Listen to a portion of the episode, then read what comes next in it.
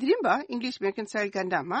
အရေးပြားလို့အဓိပ္ပါယ်ရတဲ့ skin ကိုအခြေခံတဲ့ idiom အသုံးတချို့ကိုတင်ပြပေးမှာမို့ပထမဦးဆုံး To have thin skin. ကိုတင်ပြပေးမှာဖြစ်ပါတယ်။စာလုံးပေါင်းကတော့ to have have to have ကရှိတာ thin thin ကပါလွှာတာ skin skin ကအရေးပြားဆိုတော့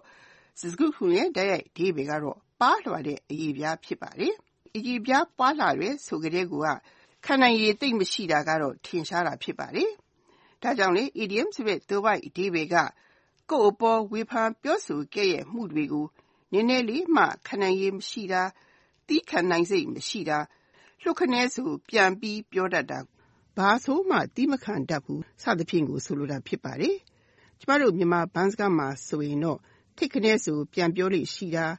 စိတ်ကလက်တစ်စစ်ပဲရှိတာစသဖြင့်ကို thin skin ရဲ့လို့ရည်ညွှန်းပြောတာဖြစ်ပါတယ်။ဒီသုံးနဲ့ပတ်သက်လို့ George ကိုပေးတဲ့ဥပမာကိုလေ့လာကြည့်ကြရအောင်ပါ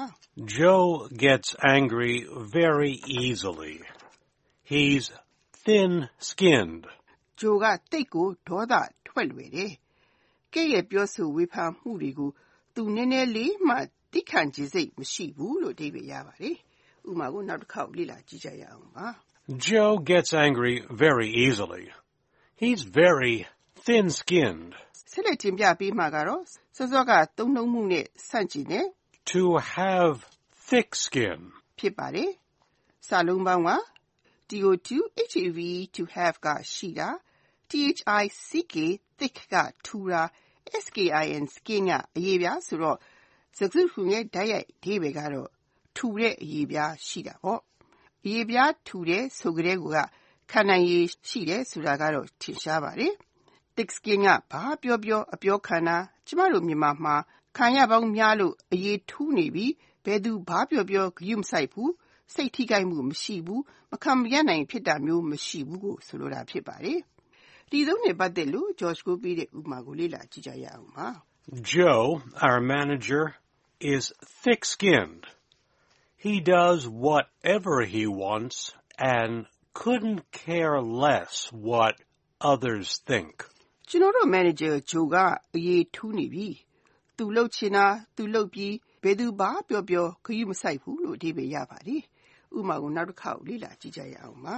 Joe, our manager, is thick-skinned. He does whatever he wants and couldn't care less what others think. ။ခုနောက်ဆုံးတင်ပြပေးမှာကတော့ To get under one's skin. ဖြစ်ပါတယ်။စာလုံးပေါင်းက to get get under to get under ကအောက်ကိုရောက်သွားတာ one apostrophe s ones ကတူတယောက်ရဲ့ skin skin ကအရေးပြားဆိုတော့စကားခုရဲ့တဲ့ဒီဘေကတော့လူတူတယောက်ရဲ့အရေးပြားအောက်ကိုရောက်သွားတာဖြစ်ပါတယ်။ဒီအသုံးရဲ့ idiom အတိပ္ပယ်က တခုခုဟာ လူတူတယောက်အတွက် စိတ်အနှောက်အယှက်ဖြစ်စေတာ စိတ်တူစေတာ မခံကြည့်မခံသာ ဖြစ်စေတာကို ဆိုလိုတာ ဖြစ်ပါတယ်။ဒီသုံးနဲ့ ပတ်သက်လို့ George ကိုပြတဲ့ ဥပမာကို လေ့လာကြည့်ကြရအောင်ပါ။ Just ignore him. Don't let his jokes get under your skin. သူ့ကို ဥပိ္ပခာပြုထားစမ်းပါ။သူနောက်တာတွေကြောင့် စိတ်ထဲမှာ မခံကြည့်မခံသာ မဖြစ်နဲ့လို့အဓိပ္ပာယ်ရပါတယ်။ဥပမာကို နောက်တစ်ခေါက် လေ့လာကြည့်ကြရအောင်ပါ